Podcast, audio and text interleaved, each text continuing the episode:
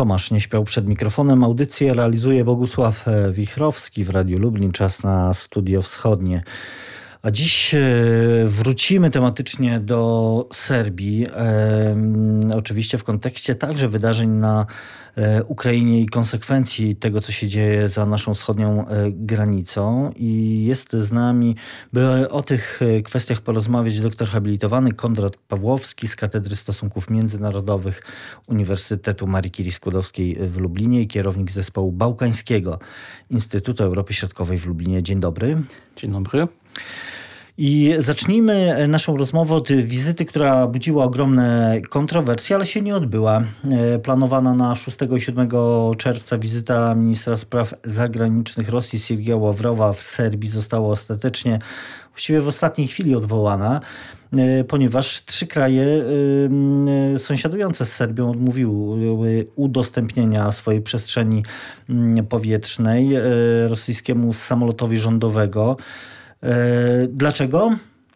No, dlatego, że sam minister Ławrow i oczywiście państwo, które reprezentuje, jest objęte sankcjami i minister Ławrow też jest y, na liście osób, które, które no, nie mogą wjeżdżać na terytorium państwa. Przecież też jest taka furtka, która mówi o tym, że szef, jako szef dyplomacji mógłby y, latać. Y, no, tu jednak, jest... tu jednak zdecydowała, rozumiem, ta, ta, ta no, kontekst tych wydarzeń, które się dzieją, że jednak uznano, że Ławrow jedzie do Belgradu y, w celach polityczno-symbolicznych. Ja myślę, że ten, ten element zdecydował, dlaczego jednak państwa Unii Europejskiej y, zgodnie ze stanowiskiem Unii Europejskiej stwierdziły, że nie otworzył przestrzeni, y, przestrzeni powietrznej dla Ławrowa. No jeszcze Czarnogóra oczywiście, ale Czarnogóra jest członkiem NATO, więc też jest już blisko tej całej euroatlantyckiej no jest rodziny. Też, ma, ma też status kandydata. Tak, tak tak, to oczywiście. Więc do, jest, do Unii Europejskiej. Więc w przeciwieństwie do Serbii bardziej jest zharmonizowana w zakresie polityki zagranicznej z, ze stanowiskiem wspólnoty. Natomiast y, ta, ta wizyta rzeczywiście była zaplanowana i wydawało się, że on, ona się odbędzie. Były różne wersje, że, że nawet było, była taka hipoteza, że być może mm, linia lotnicza serbska, Air Serbia poleci, y, do, y, bo te loty dalej... Bo te dalej, loty funkcjonują. Tak, prawda? tak, Moskwa, Belgrad, że, że Ławrow mógłby przylecieć na pokładzie samolotu Air Serbia. Pojawiły się y, jeszcze inne sugestie, że być może przez Turcję Turkish Airlines tutaj ten dystans by po prostu e, pokonał właśnie lecąc przez Turcję, no ale okazuje się, że jednak e, w dyplomacji e, wiele można, ale pewnie, pewnie nie wszystko i te państwa, które jednak nie, nie zgodziły się na otwarcie tej przestrzeni powietrznej, zrobiły to z pewnym, z pewnym jakby przekazem symbolicznym, że, że cóż, no ta wizyta w istocie w Serbii, ona miała mieć charakter symboliczny dla Rosji i właśnie z tego powodu, jak rozumiem, państwa Unii Europejskiej yy, powiedziały, że no, w jakimś sensie są przeciwne tego rodzaju manifestacjom, bo Ławrow leciał... Do... No właśnie, bo, bo myślę, że też no, czy z jednej strony oczywiście wizyta odwołana, więc jej do niej nie doszło, ale też ważne są e, bez wątpienia, yy, może nawet ważniejsze, powody, dla których szef rosyjskiej dyplomacji do Belgradu się wybierał. Po co Ławrow leciał, chciał lecieć do Belgradu? To oczywiście powody symboliczne. To zdecydowanie powody symboliczne. Ja zażartowałem, że ta wizyta była opłacona, dlatego że, dlatego że właśnie nie ma nic za darmo w polityce zagranicznej i 29 maja y, Serbia i y, Rosja w rozmowie telefonicznej prezydent Serbii Aleksander Vucic i prezydent Rosji Władimir Putin ustalili, że na najbliższe trzy lata Serbia będzie miała dość atrakcyjną cenę gazu, tak mniej więcej trzy razy niższą niż ta cena rynkowa dzisiaj. Ta cena waha się między między 310 a 420 e, dolarów za 1000 metrów sześciennych. Oczywiście to, to wahanie to jest zależy... powiązane z ceną ropy po prostu. Tak, tak, więc to, to wahanie w, w, w zbliżającym się sezonie zimowym ta cena po prostu będzie rosła. Natomiast jest to w dalszym ciągu bardzo dobra cena. E, natomiast no właśnie, no nic za darmo, więc Ławrow tutaj leciał po to, żeby potwierdzić tą tak zwaną symboliczną, tradycyjną przyjaźń między Serbią i Rosją i pokazać, e, ja rozumiem przede wszystkim w rosyjskiej telewizji, że są państwa w Europie, które wspierają Rosję w jej działaniach i Rosja ma dalej jakichś sojuszników w Europie poza Białorusią. Y, I w tym sensie była to wizyta propagandowo-symboliczna i wydaje mi się, że najlepsze, co się stało dla Serbii, to to, że tej wizyty nie ma, bo ta wizyta faktycznie w jakimś sensie była wymuszona przez stronę stronę rosyjską, mam wrażenie, a dla Serbii lepiej było, że do tej wizyty nie doszło, a wszyscy tutaj, jak rozumiem, otrzymali lekcję geografii politycznej, że niestety, czy, czy stety Serbia jest państwem europejskim geograficznie, no uważam, że cywilizacyjnie tak, także, e, historycznie powiązana była z Europą, a nie ze wschodem i to jest też taka lekcja pokory, mam wrażenie, dla niektórych polityków y, na wschodzie Europy. Y, czy jej odwołanie tej, tej wizyty coś zmienia w y, tych ustaleniach gazowych no przede wszystkim, że nie, nic nie zmienia, dlatego że oczywiście ta decyzja zapadła i y, ona będzie realizowana.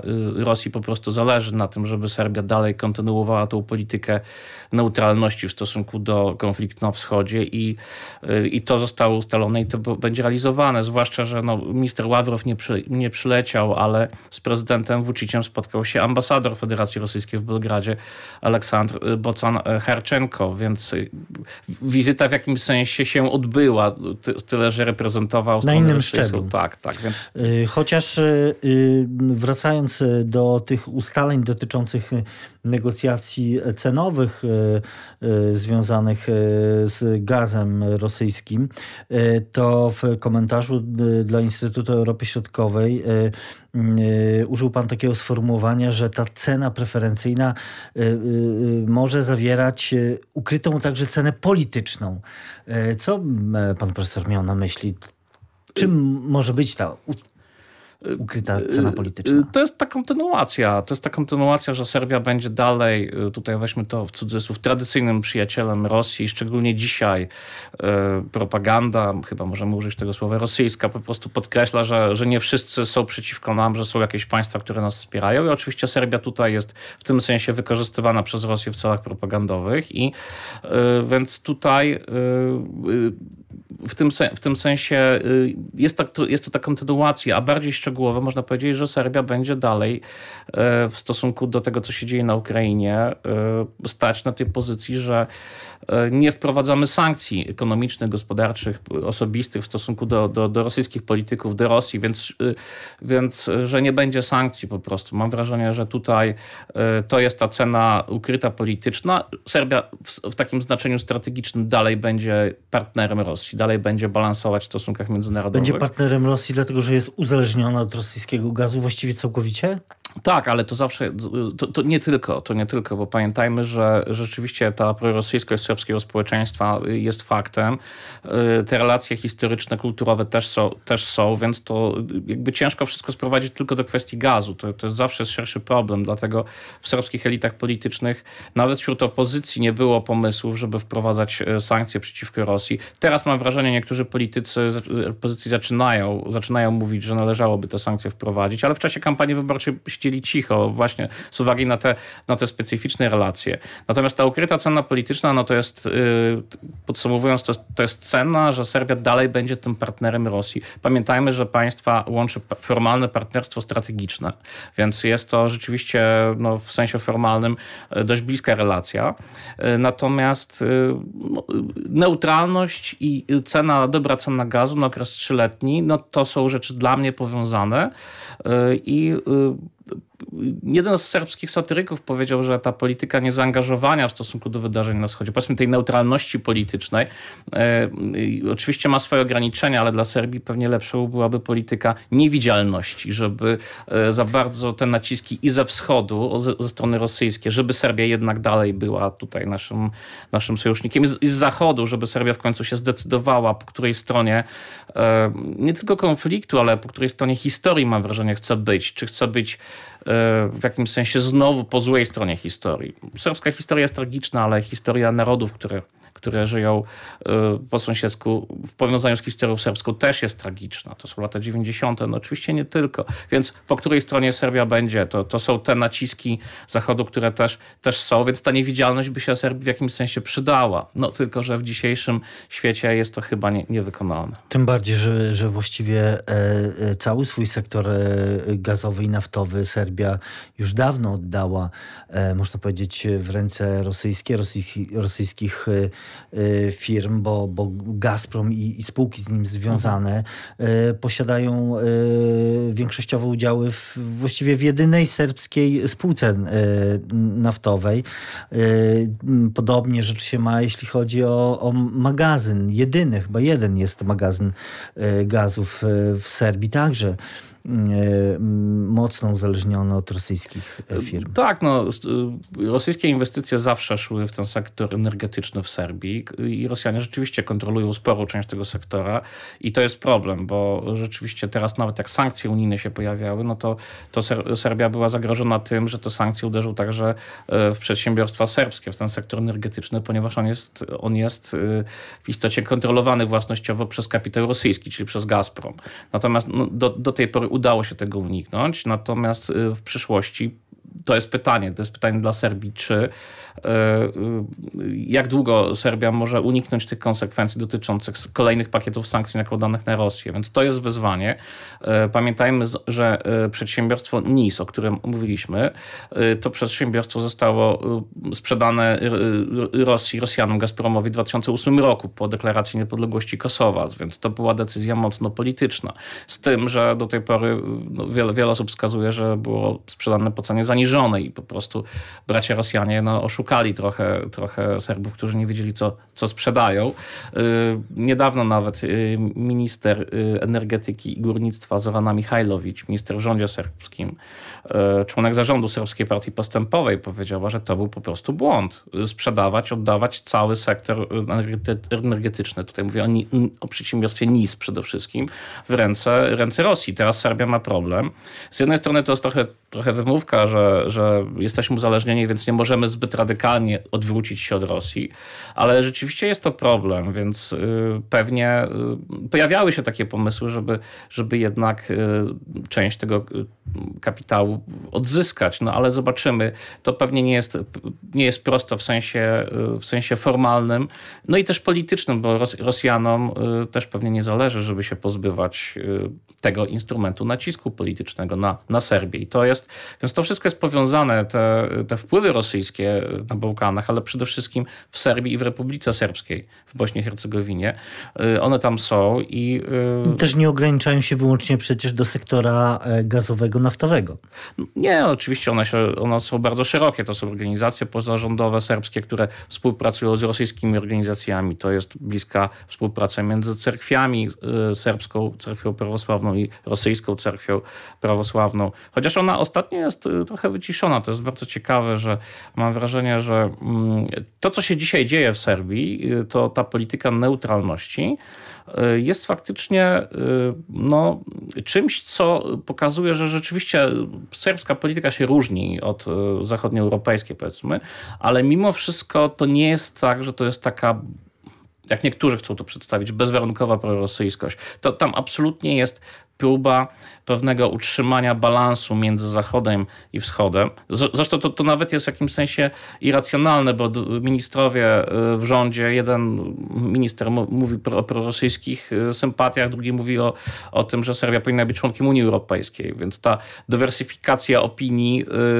absolutnie jest, no ona jest, wydaje się dziwna, ale rzeczywiście prezydent Vucic próbuje utrzymać ten kurs między dwoma blokami czy mocarstwami, które, które są w konflikcie. Serbii jest ciężko utrzymać ten, tę politykę e, neutralności. Może tylko na koniec powiem, że ona ma też pewne takie reminiscencje historyczne, bo wracając do lat 40., 48 rok i Tito, Tito i Stalin, konflikt personalny w zasadzie o to, kto jest liderem bloku komunistycznego, on powoduje, że Jugosławia jest wyrzucona poza ten blok i przez kolejne lata Jugosławia boi się właśnie agresji radzieckiej, co, o czym dzisiaj ci rusofile wszyscy zapominają, że faktycznie Jugosławia obawiała się interwencji na wzór węgierskiej czy czechosłowackiej ze strony Związku Radzieckiego i satelitów. I y, Jugosławia wymyśliła w jakimś sensie swoją trzecią drogę w postaci polityki niezaangażowania i ruch, ruchu państw niezaangażowanych, który zresztą pierwsza konferencja w 1965 pierwszym roku się odbyła w Belgradzie.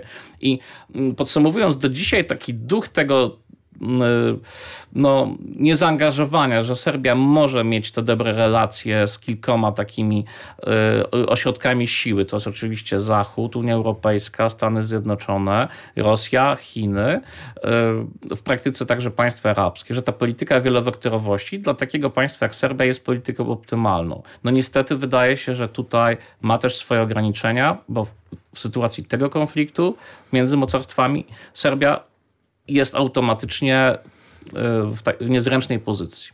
No właśnie, o tym, o tej dosyć wyjątkowej, pewnie też trudnej e, sytuacji e, Serbii w tym wyjątkowym bez wątpienia czasie także dziś będziemy rozmawiać. Ja przypomnę, gościem Studia Wschodniego jest doktor habilitowany Konrad Pawłowski z Katedry Stosunków Międzynarodowych UMCS i kierownik zespołu Bałkańskiego Instytutu Europy Środkowej w Lublinie. Do naszej rozmowy w Studiu Wschodnim wracamy za kilka chwil. Studio Wschodnie. W Studiu Wschodnim wracamy do rozmowy. Dziś naszym gościem jest doktor habilitowany Konrad Pawłowski z Katedry Stosunków Międzynarodowych UMCS i Zespołu Bałkańskiego Instytutu Europy Środkowej w Lublinie. Panie profesorze, e, wracając do mm, tej refleksji ostatniej z pierwszej części e, naszej rozmowy pana o tych mm, trudnych relacjach, czy balansowaniu w relacjach między właśnie Stanami Zjednoczonymi, Unią Europejską i Rosją, E, w, także powołam się na pana mm, niedawny komentarz dla Instytutu Europy Środkowej w Lublinie. Napisał pan, że władzom w Belgradzie coraz trudniej jest prowadzić dotychczasową politykę balansowania między Zachodem i tym szeroko rozumianym Wschodem. E, dlaczego?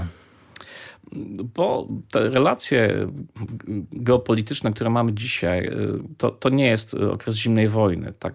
Po prostu świat się zmienia. I y, rzeczywiście jest tak, że y, oczywiście no, nikt Serbii na siłę nie ciągnie do Unii Europejskiej. To jest wybór Serbii, że, że chce być członkiem tej europejskiej wspólnoty, ale to, to, to zobowiązanie, to są pewne prawa, ale to są też obowiązki, więc to jest dość oczywiste, że państwo Unii Europejskiej Europejskiej e, w sposób bardzo dyplomatyczny państwa, instytucje, bo i Parlament Europejski, zresztą niedługo będzie rezolucja Parlamentu Europejskiego, która będzie wprost mówiła, pewnie w lipcu będzie to rezolucja, która będzie wprost mówiła o tym, że jeżeli Serbia e, no, nie wprowadzi tych sankcji, to faktycznie nie będzie e, otwierania nowych, nowych rozdziałów negocjacyjnych w procesie integracji. Czyli ta akcesja faktycznie może być zamrożona. To tak przy okazji, że to, to nie jest jest przymus, jak niektórzy chcą w Serbii przedstawić, tylko to jest pewna konsekwencja.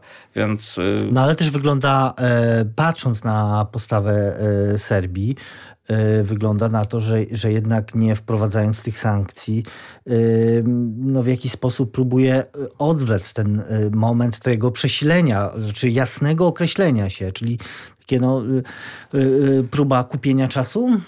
Próba kupienia czasu i pytanie, jak długo Serbia będzie przyciągać tą, tą decyzję, jak długo będzie mogła. I to jest odpowiedź na to pytanie pod tytułem, dlaczego Unia Europejska zaczyna jednak dość tak wyraźnie wskazywać, że, że czas, czas trochę już się e, zadeklarować tak strategicznie, ale e, więc, więc mówię, to, to jest wybór cywilizacyjny i e, chodzi o to, że jeżeli Serbia nawet w tak oczywistej sprawie, tak oczywistej sprawie jak ocena agresji, którą Serbia potępiła, ale, ale, ale jednak nie wprowadziła tych sankcji, czyli no jest to pewna polityka, która jest dość dwuznaczna, że nawet w tak oczywistej sprawie nie możemy mieć wspólnego stanowiska z państwem kandydującym, no to jest pytanie, czy, czy w ogóle to, to państwo się nadaje jako kandydat. To, tak, to są takie bolesne słowa, ale, ale no, one, one gdzieś się pojawiają w kontekście tego, tego całego procesu.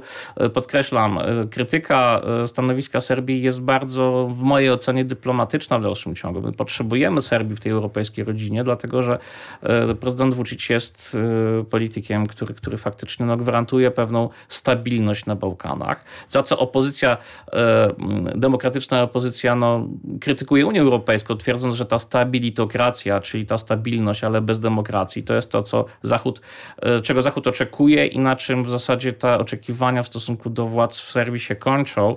To jest kwestia wewnętrzna. Natomiast, natomiast no, ten, ten wybór, o którym powiedzieliśmy, jest też podyktowany tym, że głównym partnerem Serbii handlowym są państwa Unii Europejskiej. A nie Rosja. A nie Rosja, czy też, czy też Chiny, prawda? To, tak jest to często w mediach prezentowanych serbskich. Zresztą jak popatrzy się na badania opinii publicznej, to, to Serbowie naprawdę uważają, że Rosja, Chiny to są, spora grupa osób uważa, że to są rzeczywiście ci partnerzy. Oni, oni są strategicznymi partnerami, obydwa te państwa formalnie, ale gospodarczo największym partnerem są Niemcy, potem pewnie będą Włochy, trzeba byłoby zobaczyć dokładnie. Generalnie około 80%, mówię z pamięci, więc trzeba byłoby te liczby jeszcze doprecyzować, ale to są, y, y, ta wymiana handlowa to są państwa Unii Europejskiej, ale to też nie jest zaskoczenie, bo przecież Serbia geograficznie faktycznie jest no, bliżej państw Unii Europejskiej, bliżej Europy Centralnej, bliżej Europy Zachodniej niż bliżej, nie wiem, Wodywostoku czy Moskwy. Tak? No, są to dość oczywiste y, wnioski i historycznie i kulturowo, y, jak powiedział jeden, jeden y, z serbskich analityków, Serbowie jeździli na studia do Europy Zachodniej, a, nie, a nie do Moskwy. Pewnie przesadził, ale, ale jednak to pokazuje, że, że mm, to nie jest nic nadzwyczajnego mówienie o tym, że Serbia jest częścią tej cywilizacji zachodniej, jednak w takim sensie Tutaj politycznym. Też, też potwierdza e, wizyta majowa e, przewodniczącego Rady Europejskiej w Belgradzie, który stwierdził, że, że no właśnie Unia Europejska wspiera mm, też szybkie przystąpienie Serbii do Unii Europejskiej. Y, padły tam też wprawdzie słowa o, o pewnej pomocy, deklaracje pomocy właśnie w uniezależnianiu się od rosyjskich surowców, od gazu i ropy z Rosji. No, osobnym problemem jest to, czy jest to w ogóle możliwe, czy, czy Unia Europejska rzeczywiście, czy Unię Europejską w ogóle stać na to, żeby ten problem serbski rzeczywiście e, rozwiązać. No to, to jest kwestia przyszłości, więc tutaj ta dywersyfikacja na pewno jest tematem, którym, którym władze Serbii się no, mocno zastanawiają. Pamiętajmy, że i w porozumieniu waszyngtońskim z września 2020 roku też było zobowiązanie, że Serbia będzie dywersyfikować jednak tych, tych odbiorców, e, więc to się na pewno stanie, tylko pytanie, e, no kiedy, tak? W sytuacji, kiedy, więc, więc to jest kolejna opcja, na której Rosji akurat nie zależy, a Serbii zależy, żeby zdywersyfikować dywersyfikować odbiorców, y, dostawców gazu. Natomiast, y, więc to jest problem dla Serbii. Natomiast y, pamiętajmy, że zbliża się sezon zimowy. Prezydent Vucic nawet w przemówieniu inauguracyjnym stwierdził, że zima się zbliża a ceny gazu to są ceny zadowolonego społeczeństwa i ta cena niska, którą oferuje Rosja, jest też w tym sensie ceną korzystną, że ona E, w tej obecnej sytuacji międzynarodowej, o której mówimy, inflacja, prawda, tutaj kryzys gospodarczy popandemiczny, inflacja, że ta cena po prostu gwarantuje pewną e, socjalną stabilność. Ta cena gazu zawsze... Cena Ale też daje spokój władzy. Y, to jest właśnie w Serbii cena gazu faktycznie i tych surowców energetycznych jest ceną, jak ktoś powiedział, taką no, polityczną czy społeczną. Ona, ona daje właśnie to poczucie bezpieczeństwa władzy. To, to jest rating, mówiąc wprost. Dlatego, yy, dlatego, czy ta dywersyfikacja będzie szybka, ja bym się nie spodziewał, bo mówię, ten gaz z Rosji po prostu jest tani i to jest ta polityczna ukryta cena gazu, że yy, ona wspiera yy, elity rządzące w Belgradzie, które dają, dostarczają swoim obywatelom tą dobrą cenę, tak, no, że, ograniczając te negatywne tendencje na rynkach. I, i y, ja tylko może jeszcze jedną rzecz dodam, bo tutaj ta ekonomia jest, jest bezwzględna.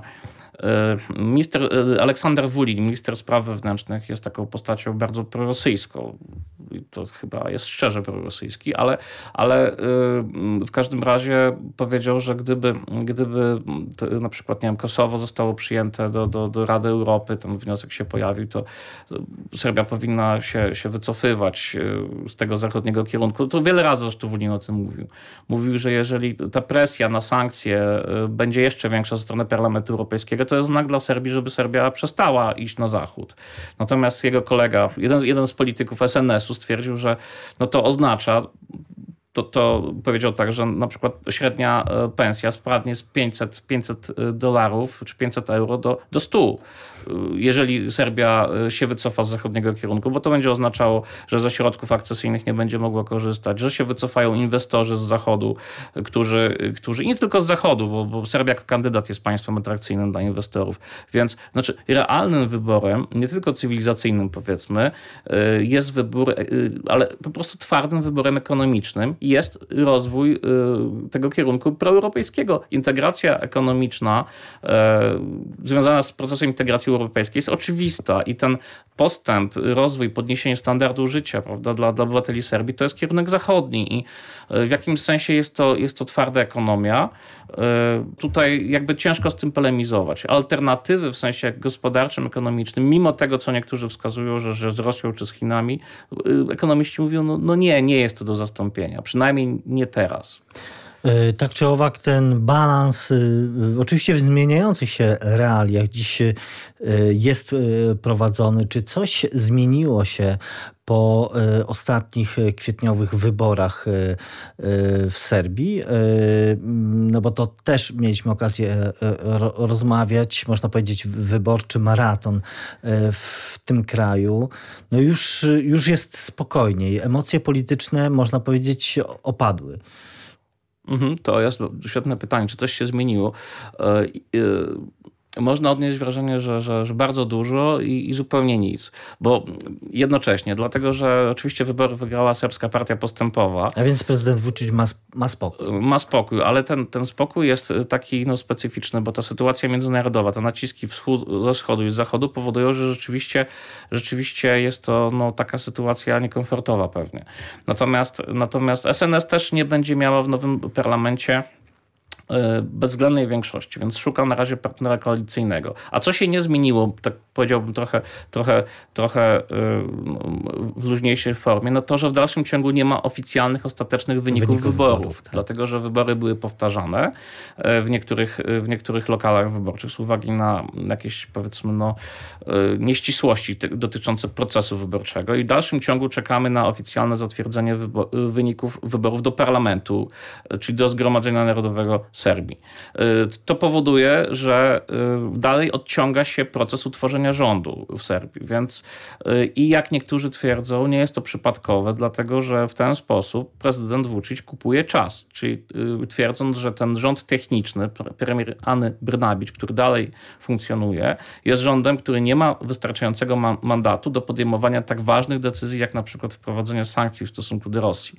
Więc dopiero nowy rząd, nowy parlament, który, który się jeszcze nie ukonstytuował i nowy rząd y, mógłby podjąć taką decyzję. Więc... Ale paradoksalnie chyba dla prezydenta Vucicia to jest komfortowa sytuacja. Y, jest, jest to sytuacja, która w tym sensie niewiele zmienia, bo, bo prezydent Vucic po prostu rządzi w Serbii i y, jest, jest, jest politykiem o takiej no, specyficznym o takim specyficznym stylu rządzenia. Faktycznie rząd jest rządem prezydenckim, premier od lat jest e, w takim sensie wykonawcą polityki, realizatorem polityki prezydenta. Parlament, który był pozbawiony opozycji w, w ostatniej kadencji, bo, bo, bo wybory z czerwca 2020 roku były zbojkotowane przez opozycję. Więc parlament niby wielopartyjny, ale w praktyce, jak Serbowie mówią, jednopartyjny parlament, pozbawiony opozycji. E, to wszystko powoduje, że w zasadzie no, Serbia leci w rankingach, różnych rankingach demokratyzacji i to drastycznie i, i te, te ograniczenia powiedzmy e, serbskiej demokracji i ta centralizacja władzy, to wszystko jest dostrzeżone. To są, to są raporty Parlamentu Europejskiego i różnych organizacji pozarządowych, które Freedom House na przykład, które wskazują, że, że z tą demokracją w Serbii nie jest najlepiej. Ale dzisiaj y, mam wrażenie, że Zachód przymyka oczy na pewne kwestie, dlatego że ceną jest stabilność Bałkanów a, a prezydent Vucic wyraźnie powiedział 31 maja w czasie e, właśnie e, rozpoczęcia drugiej, drugiej kadencji prezydenckiej złożył przysięgę w, w parlamencie, w Zgromadzeniu Narodowym i on wyraźnie wskazał, że, że pokój i stabilność to jest taki cel, który, który no, będzie realizowany, więc to, to przemówienie zresztą miało w mojej ocenie takie akcenty też no, międzynarodowe, czy wyraźnie było adresowane do odbiorców międzynarodowych. Vucic mówił, że ja tutaj będę gwarantował pokój, bezpieczeństwo, stabilność, praca, no, praca, praca, praca, czy, czy inwestycje, rozwój gospodarczy. To jest to ta jego agenda, którą on zresztą od lat realizuje, że pod rządami SNS i prezydenta Serbia się rozwija i jest tym, powiedzmy, tygrysem gospodarczym Bałkanów i, i ta narracja się powtarza.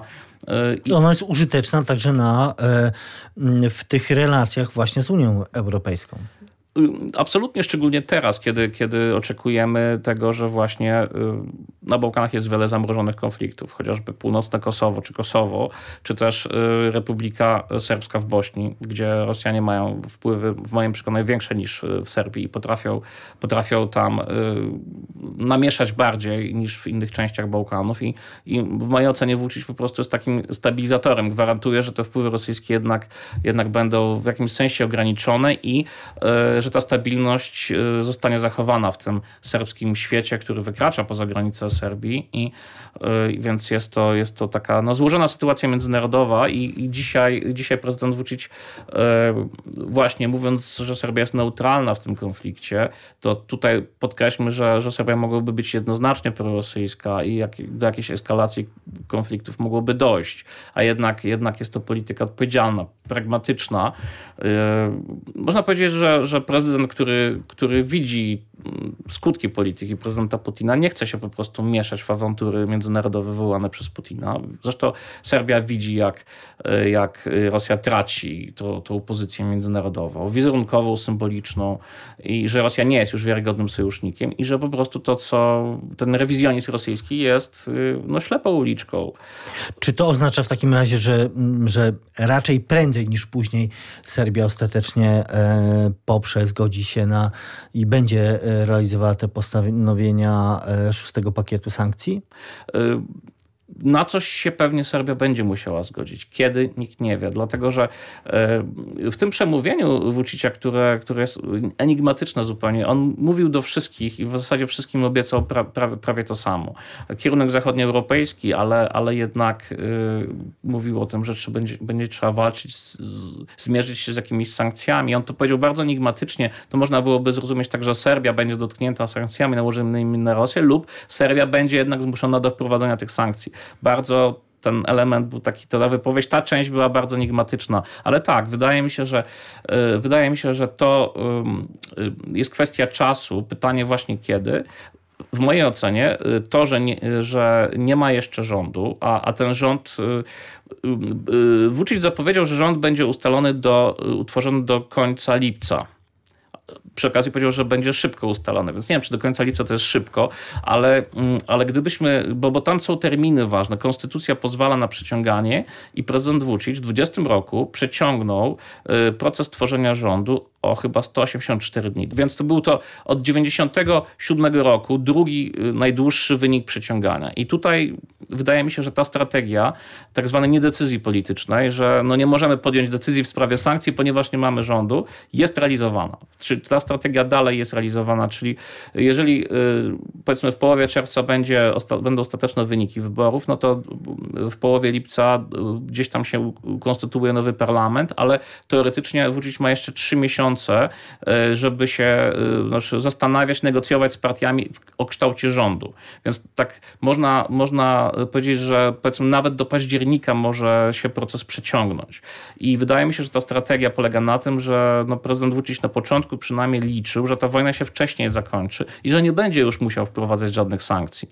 No ale tak się, tak się no, nie zapowiada, więc yy, odpowiadając na pytanie, yy, Serbia pewnie wprowadzi jakieś małe sankcje, ale krok po ale kroku... Ale nadal będzie chciała realizować tą właśnie politykę wielowektorowości, neutralności Y, o której pan mówił? Y, tak, no dlatego, że ta cena gazu jest na 3 lata, a ten gaz jest po prostu polityczny i mówię, jakieś małe symboliczne sankcje, które Rosji nie zabolą, y, w sensie symbolicznym, bo, bo te sankcje nie, nie, są, znaczy nawet widziałem taką dyskusję, że w zasadzie co by się stało, gdyby Serbia wprowadziła sankcje, pewnie Rosja by tego nie odczuła bardziej niż, znaczy w niewielkim stopniu.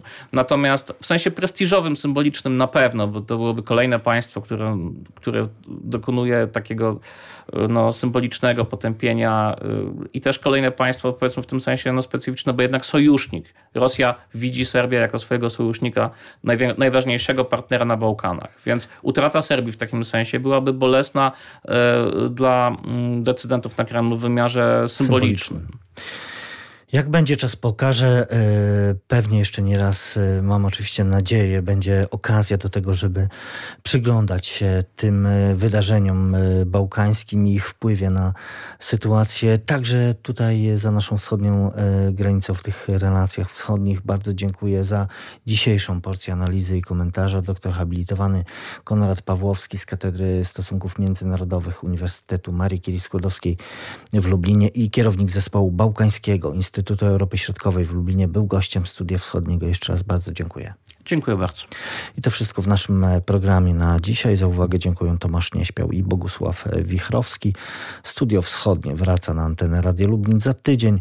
Do usłyszenia w następną niedzielę po godzinie 14.